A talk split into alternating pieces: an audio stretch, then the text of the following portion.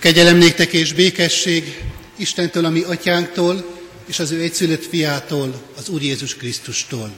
Amen. Kedves gyülekezet, kedves testvérek, Isten tiszteletünk kezdetén fennállva a 227. dicséret első versét énekeljük. A 227. dicséret első verse így kezdődik, a mi szívünk csak te hozzád, Jézus Isten báránya. Helyünket elfoglalva majd folytassuk a megkezdett dicséret éneklését, a második, a harmadik, a negyedik és az utolsó nyolcadik verseket énekelve.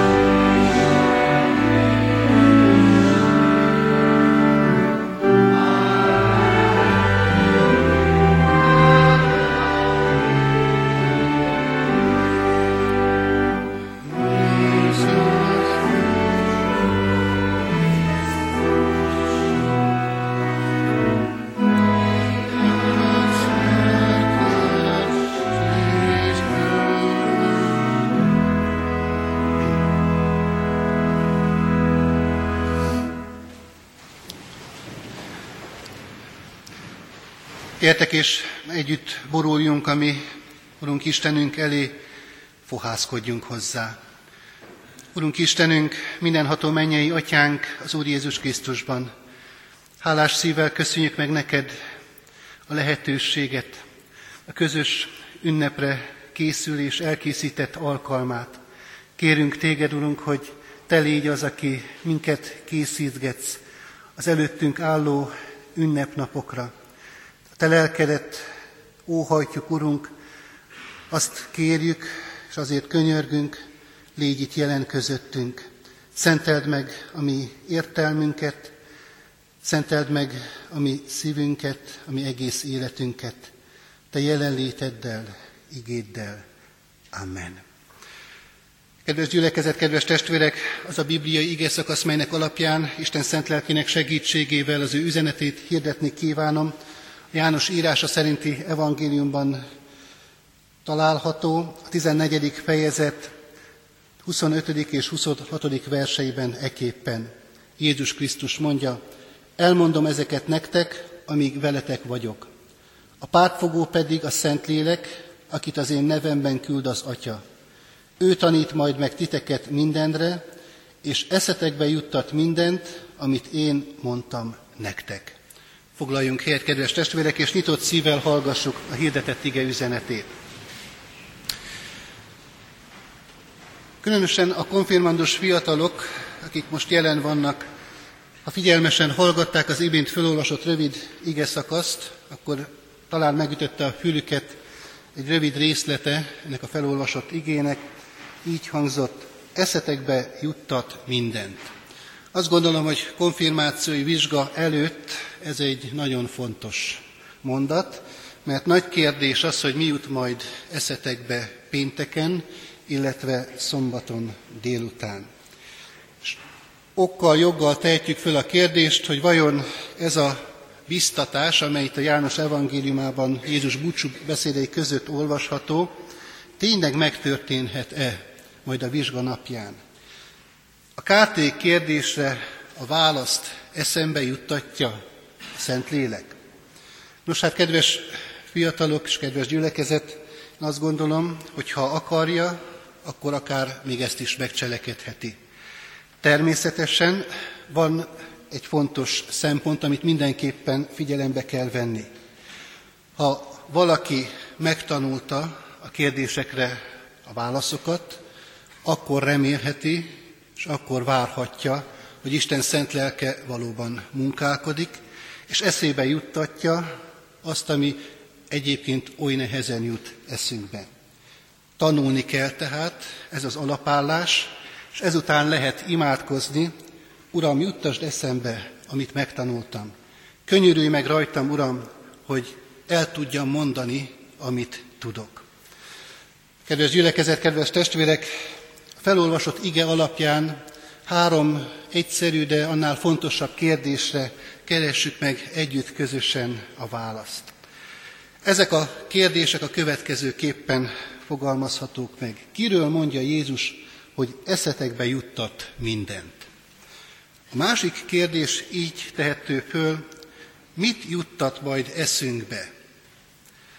És a harmadik kérdés, hogyan történik meg mindez?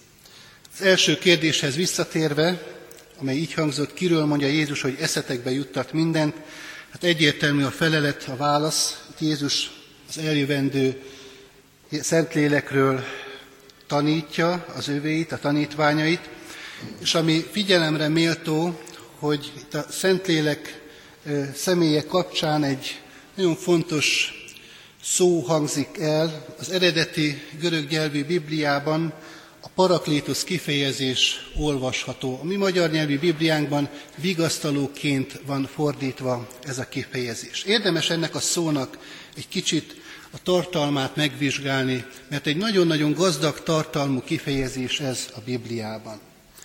A para kifejezés azt jelenti, hogy mellett a kletosz hívott. Tehát, hogy egy kicsit ö, ö, próbáljuk oldottabban magyarra fordítani ezt a szó összetételt, akkor így adható vissza a jelentése, magam mellé hívok valakit. Itt egy jogi kifejezésről van szó, Úgy is fogalmazhatnánk azt a személyt, akit Paraklétosz névvel illethetünk, hogy védő ügyvéd. Egy bírósági tárgyalóterem van előttünk, ahol jelen van a bíró, jelen van az ügyész, aki a vádat képviseli, jelen van a vádlott, aki mellett ott áll a védő ügyvéd, vagyis a paraklétosz. A védő ügyvédnek pedig az a feladata, az a megbízatása, hogy a vádlott ügyét képviselje, és őt segítse nehéz helyzetében.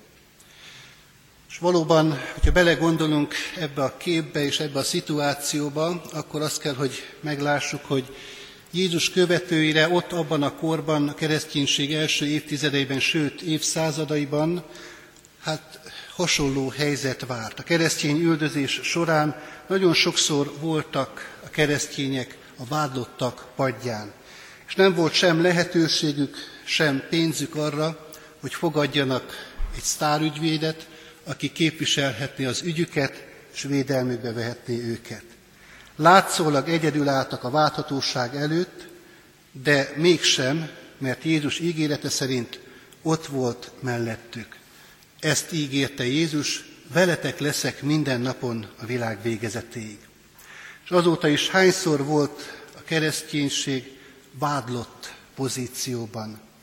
És ebben a helyzetben Jézus ígérete szerint ott volt, jelen volt a vádlott mellett, vagy a vádlottak mellett, és ott volt mellettünk is, amikor nehéz, kritikus helyzetbe kerültünk, és igazzá vált az ő ígérete, hogy melléd állok, nem hagylak magadra, segítlek, nem leszel egyedül. Sőt, ha kell, eszedbe juttatom a sokat magolt kátét is. Éppen ezért nektek, nekünk, mindannyiunknak nehéz, szorult helyzetünkben nem sztárügyvédre van szükségünk, hanem Szentlélekre.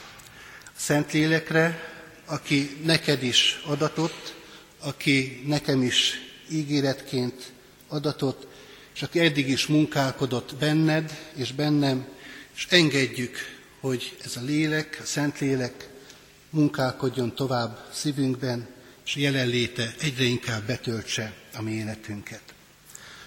A paraklétosz szónak azonban van egy másik jelentése is. Így nevezték az ókorban, Krisztus előtti 5. században már azt a házi szolgát, akiket, az idő, akik azt a megbízatást kapták egy gazdag, mondjuk athéni polgárcsalád részéről, hogy az otthonukban a gyermeküket felügyelje, illetve segítse minden olyan dologban, amely az ő fejlődését előmozdítja. Ennek a személynek az volt a feladata, hogy az örököst elsegítse egészen addig a pontig, amíg majd az örökségét ténylegesen átveheti. Ő volt a felelős azért, hogy a fiú épségben adja át atya kezébe felnőtté válás napján, és ez a különleges megbízatás teljesítő szolga soha nem maradt el attól a fiútól, akit rábíztak. Az ő szobájában aludt, vele evett, elkísérte a gimnáziumba, vagyis a tornacsarnokba, elkísérte az iskolába, a barátaival való találkozóra, egy szóval mindig mindenhol vele volt. Munkája nagyon fontos volt, és egy különleges tisztelet is övezte, nagy megbecsülést élvezett a családban. És bizony az is megtörtént sokszor, megbecsülésképpen, amikor felnőtté vált az örökös, akkor ez a személy, aki végig kísérte egész gyermekkorát az örökösnek, a családban maradhatott. Véget ért ugyan a feladata, a megbízatása, de mégis ott maradt a családban. Azt gondolom, hogy ez a kép is nagyon sok üzenettel bír, és nagyon fontos számunkra. Mi is, amikor majd a végére érünk ennek a felkészülési folyamatnak, a konfirmációi előkészületeknek, akkor ezt tehetjük meg.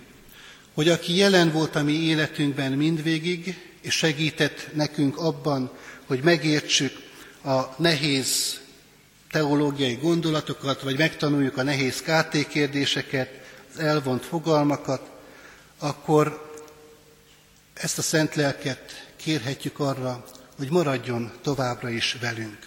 Miért? Azért, mert szükség lesz rá a későbbiekben is. A konfirmációval nem ér véget ez a folyamat, hanem sokkal inkább elkezdődik. Sokkal inkább egy még felelősség teljesebb időszak következik az életetekben. És itt hadd utaljak egészen röviden ennek a szónak a harmadik jelentésére is. A profán görögben a paraklétosz névvel illették azt a személyt is, aki a katonák között forgolódott, és az volt a sajátos, speciális feladata, hogy amikor a katonák sok-sok harc után ellankadtak, akkor a paraklétosz volt az a személy, aki újra képes volt lelkesíteni ezeket a megfáradt katonákat. Tudott hozzájuk úgy szólni, tudott nekik olyanokat mondani, amitől újra készek voltak hadrendbe állni. Azt gondolom, kedves konfirmandusok, kedves gyülekezet, hogy a mi életünkben is szükség van ilyen módon a Szentlélek jelenlétére. Elfáradhatunk, és szükséges, hogy valaki lelkesítsen minket. Neked is, nekem is szükségünk van a lelkesítő paraklétoszra. Következő kérdés, amire igénk alapján választathatunk, mit juttat eszünkbe a Szentlélek? Jézus így fogalmazott, eszetekbe juttat majd mindent, amit én mondtam nektek. Ahhoz, hogy eszünkbe juthasson, amit Jézus tanított nekünk, hallgatni kell azt. Amit hallottunk, tanultunk, azt tudjuk emlékezetünkbe felidézni, a Szentlélek azt tudja az eszünkbe juttatni. Eszembe jut egy jól ismert bibliai történet, Péter története, ismerjük bizonyára mindannyian azt a részletét Péter életének, amikor Jézus beszél közelgő szenvedéséről, sőt haláláról a tanítványainak, és Péter azt mondja Jézusnak, hogy én nem értek azzal egyet, amit te most mondasz. Nem történhet ez meg veled, amiről beszéltél. Tiltakozik Péter ebben a helyzetben, sőt, ellenkezik Péter Jézussal. Leperek Péterről minden, amit Jézus ott abban a helyzetben mond neki. Gimnáziumi hittanórákon sok mindent tanulsz, sok mindent tudsz ennek következtében. Vannak dolgok, amelyeknek nem tulajdonítasz nagyobb jelentőséget. Sőt, bizonyára vannak olyanok is, amivel nem értesz egyet. De mégsem haszontalan mindaz, amiről szó esik. Mert így lesz, minek eszedbe jutni, ha kiélezett, kritikus helyzetbe kerülsz. Lesz mire visszaemlékezni. Lehet, hogy keserves sírás előzi majd meg, mint ahogyan Péter esetében is ez történt, mert ismerjük a folytatást, mikor Jézus azt mondja Péternek fogadkozása után, hogy mielőtt a kakas megszólal, háromszor tagadod le azt, hogy ismersz engem, és Péter valóban ezt teszi, ahogyan ezt Jézus előre megmondta neki. És Péter, amikor a kakas szót meghallja, akkor emlékezetébe idézi azt, amit Jézus mondott neki korábban, és keserves sírásra fakad. De mégis volt egy pont az életében, volt egy mondata Jézusnak, amelybe belekapaszkodhatott ebben a nehéz és kritikus helyzetben. És ez akadályozta meg az abban, hogy egészen lecsúszson Péter élete. Ilyen kapaszkodó pont számunkra Jézusnak minden egyes mondata. És amikor elérkezünk az életünk folyamán egy-egy olyan pontra, amikor szükségünk van arra, amit Jézus tanított nekünk, akkor a Szentlélek eszünkbe juttathatja azt. Hadd meséljek el egy történetet egy édesanyáról és a kislányáról. Ennek a édesanyának a kislánya nagyon súlyos betegségbe került, halálos betegség volt, ami gyötörte. az orvosok is csak széttárták a karjukat, és azt mondták, ami emberileg megtehető, azt megtesszük. De ebben a mondatban nyilvánvalóan benne volt az, hogy nem sok remény van. És ekkor ez az édesanya ott a gyermeke betegágya fölött, látva elesett állapotát, reménytelen helyzetét gyermekének, elcsendesedett, és ebben a csendességben eszébe jutott még gyermekkorából egy történet, amit gyermekisten tiszteleten hallott. Jól ismert történet ez, Ábrahám története, akinek Isten azt mondta, hogy egyetlen egy gyermekét, Izsákot áldozza fel. És ez az édesanya gyermeke betegágyánál térdre esett, és elkezdett imádkozni, és azt mondta, Uram, én is most az én leányomat, mint ahogyan annak idején Ábrahám az ő fiát, Izsákot az oltárra helyezem. Ez a beteg ágy legyen ez az oltár, és hogyha kedves te neked, akkor add vissza nekem, de hogyha te úgy látod jónak, akkor vedd magadhoz. Csoda történt, a gyermek meggyógyult. De bizonyára ez a kis történet is mindannyiunk számára még érthetőbbé teszi azt, hogy mit is jelent az, amikor Isten szent lelke eszünkbe juttat valamit. Talán egy gyermekkori emléket, talán egy régi, régen hallott bibliai történetet. Hányan kerülnek válságos helyzetbe mai világunkban? Sodródnak, csalódnak, és nem jut eszükbe semmi, amiben megkapaszkodhatnának. Mert Jézus szavát nem hallgatták, tanítását nem ismerik. Így nincs is, ami eszükbe juthatna. Kedves konfirmációra készülő diákok, nagy kiváltság számotokra az, hogy ti hallottátok eddig is sokszor Jézus tanítását.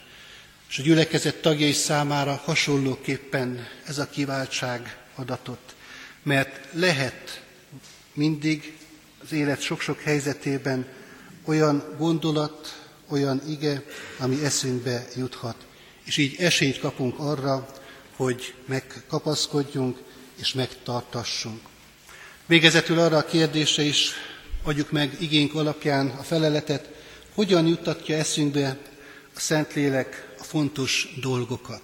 Hogyan történik mindez az életünkben. Az imént hallott történet alapján mondhatjuk azt, hogy lehet, hogy egy bibliai történet elevenedik meg előttünk, és ez lesz mintává számunkra. Lehet, hogy egy mondat a Szentírásból lesz útmutatássá egy nehéz helyzetben. De az is előfordulhat, hogy egy egészen hétköznapi eszközön keresztül jelez az Isten, és emlékeztet minket arra, hogy ő a mi szabadító urunk akar lenni. Az imént említettük Péter történetét, aki a kakas szó hallatán döbbent rá arra, hogy igaza van Jézusnak.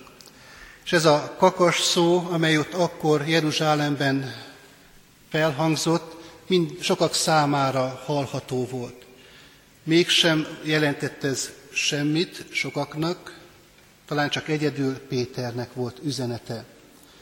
Péter ezt a kakasszót meghallotta jellélet számára, mert emlékeztette őt Jézus szavára.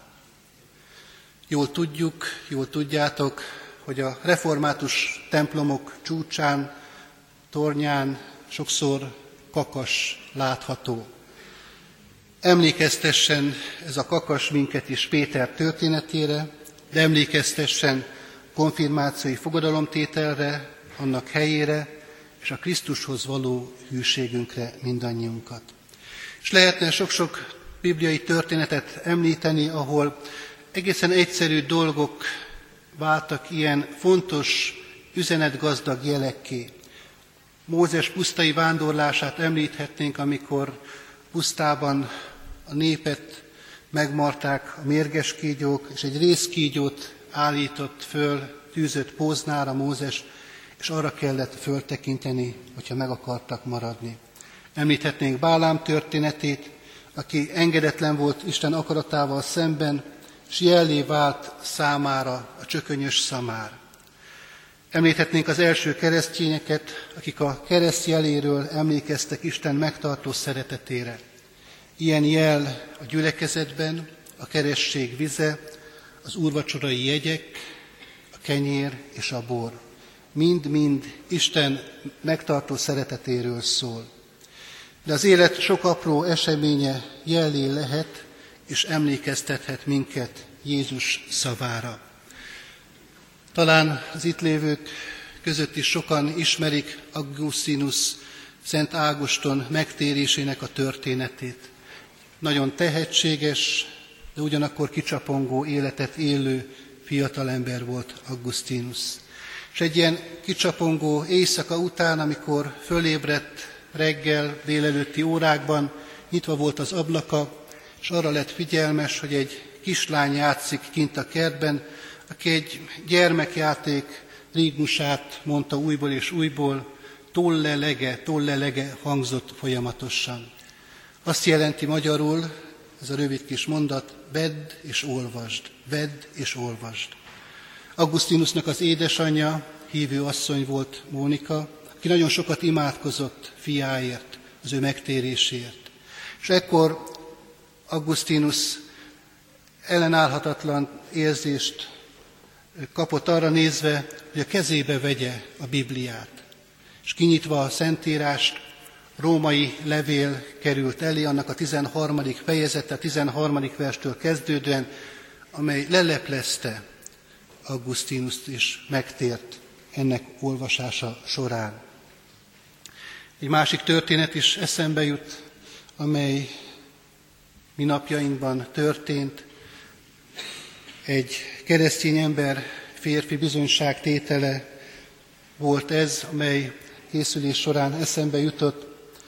Elmesélte, hogy a munkahelyén volt egy egyedülálló női munkatársa, aki elkezdett vele flörtölni. Egyre több időt töltöttek egymással, míg nem egészen odáig jutott ez a kapcsolat, hogy ez a nő meghívta az otthonába.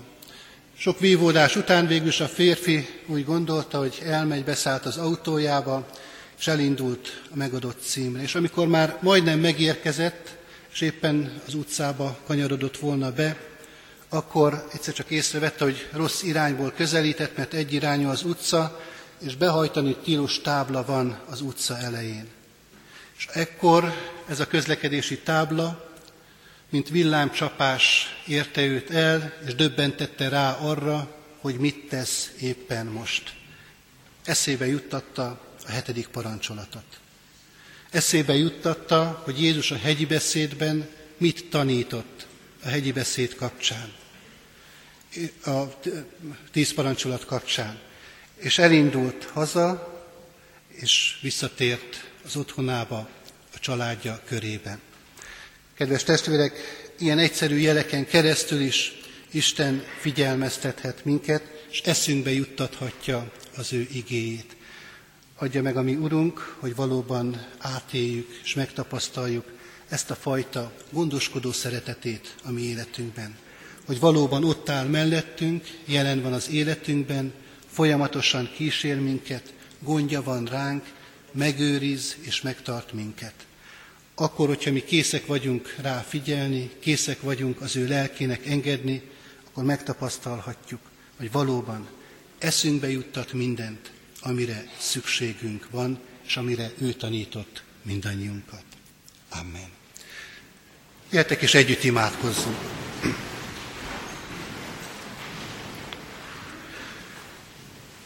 Urunk Istenünk, hálás a szívünk azért, mert valóban a Te igéd eligazít minket, útmutatás számunkra, különféle helyzetekben, különféle nehézségek közepette.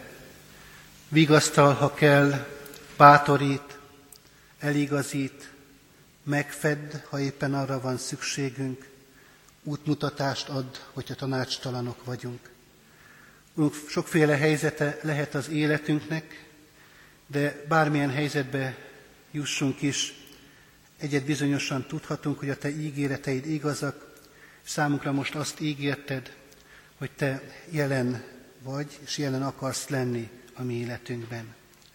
Urunk, hadd vágyjunk a Te közelségedre, a Te jelenlétedre. Hadd kérjünk Téged arra, hogy valóban lelked által kíséri minket azon az úton, amelyen elindítottál, és amelynek most fontos állomásához is érkeztünk. De tudjuk, Urunk, hogy ez nem a végállomás, hanem van tovább vezető utat számunkra. Urunk, készíts erre is minket, és minden egyes alkalommal, amikor a Te igéddel találkozhatunk, azzal táplálkozhatunk, azt megérthetjük, azt magunkkal vihetjük, akkor fölkészítesz minket az előttünk álló útra. Köszönjük, Urunk, hogy így készítgetsz most minket az ünnepre is. Kérjük a Te szent lelkedet, védj körül minket, hogy valóban legyünk készek az ünnepre. Amen. Együtt közösen az Úrtól tanult imádságot is mondjuk el. Mi, Atyánk, aki a mennyekben vagy, szenteltessék meg a Te neved, jöjjön el a Te országod, legyen meg a Te akaratod, amint a mennyben, úgy a földön is. Mindennapi kenyerünket add meg nekünk ma, és bocsáss meg védkeinket, miképpen mi is megbocsátunk az ellenünk védkezőknek. És ne vigy minket kísértésbe, de szabadíts meg a gonosztól, mert tied az ország, a hatalom és a dicsőség mind örökké. Amen. Vegyük Isten áldását. Az Istennek békessége, amely minden értelmet felülhalad, őrizze meg szíveteket, gondolataitokat az Úr Jézus Krisztusban. Amen. Mi megváltó Úrunk, legyen a mi őriző pásztorunk, és készítsen minket az úrvacsorai közösségre is, pünkösd megünneplésére. A 370. dicséret éneklésével zárjuk mai Isten tiszteletünket. A 370. dicséret mind a három versét énekeljük el. Az első vers így kezdődik. Jövel, Szentlélek Úristen, töltsd bé szíveinket éppen. thank you